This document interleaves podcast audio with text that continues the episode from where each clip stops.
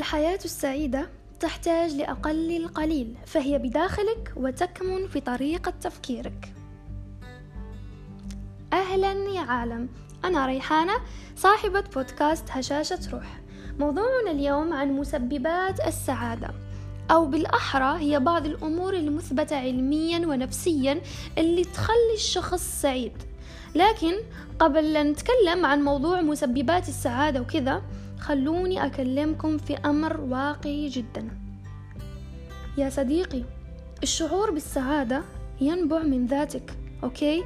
الشعور بالسعادة ينبع من ذاتك. بالنظر بعيون واسعة للعالم واتخاذ وجهة نظر مختلفة عن الجميع عليك أن تختار أن تكون سعيدا. لا يمكن البحث عن السعادة للعثور عليها. لا هذا شيء مرة غلط.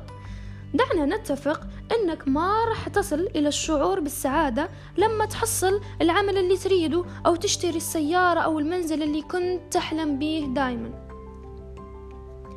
عليك أن تختار أن تستيقظ من الأوهام التي رسمتها لنفسك وتقدر ما تمتلكه حاليا بكل زواياه. أنا أعرف أن الجميع يتعرض لظروف قاسية في الحياة كالإفلاس والطلاق والعنصرية وموت الأحبة. لكن في الحقيقة أنت لست وحدك الكثير والكثير منا يمر بهذه الحالات. لكن كذلك الكثير منا اختار أن يكون سعيدا بغض النظر عن كل ما يمر به. وعلى هذا الأساس أقول لك أنك ستكون سعيد حين تبني حياة تجعلك سعيد. وعليها دعنا نتطرق لمسببات السعادة أو بالأحرى هرمونات السعادة.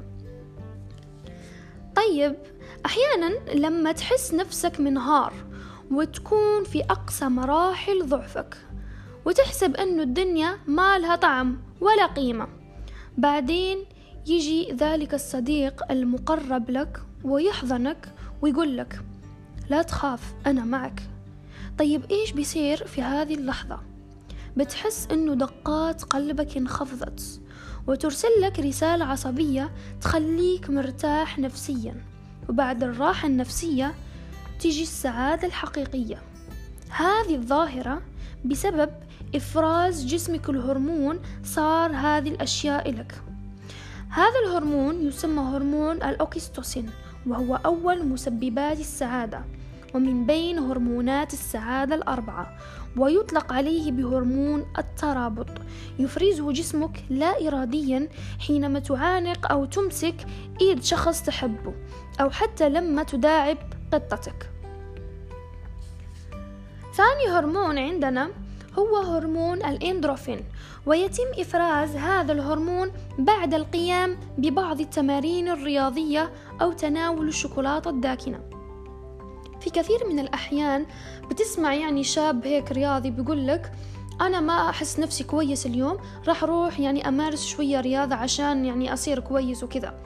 هذا بسبب إفراز جسمه لهرمون الإندروفين. بعدين عندنا هرمون السيروتونين وهذا الهرمون بعد اكتشافه أحدث ضجة كبيرة جدا جدا إذ أنه ساعد في خروج أكثر من مئة ألف مكتئب من الحالة اللي كان فيها بحيث أنه في تلك السنة تم إحصاء أكثر من 350 ألف مكتئب أوشكوا على الانتحار. وبكل سهولة يتم إفراز هذا الهرمون من خلال المشي والحصول على. على بعض أشعة الشمس وممارسة التأمل وهذا ما كان يفتقر إليه كل شخص مكتئب وهو الخروج من الغرفة المظلمة إلى الطبيعة المشمسة والتنفس بعمق والتأمل وأخيرا عندنا هرمون الدوبامين وهو المفضل لدي ليش؟ لأنه هذا الهرمون يتم إفرازه لما تحصل على نوم جيد أو لما تتناول طعام لذيذ أو عندما تقوم بمهمة صغيرة كانت في قائمة مهامك اليومية. وكانت هذه هي هرمونات السعادة الأربعة أو مسببات السعادة. أتمنى من كل واحد منكم أنه يحاول أنه يطبق ولو أمر وحيد من هذه الأمور عشان يفرز هرمون السعادة عنده عشان تتأكد أنه السعادة بإيدك. السعادة راح تصنعها أنت لحالك يعني ما راح تدور عليها وتفتش عليها في كل مكان. لأنه إذا أمضيت عمرك كله وأنت عم تحاول أنك تجد السعادة الحقيقية اللي أنت يعني مبرمجها في عقلك أنه هذه هي سعادتي راح تعيش حياتك كلها تعيس. وكان هذا هو موضوعنا اليوم. أتمنى أن تكونوا قد استفدتم.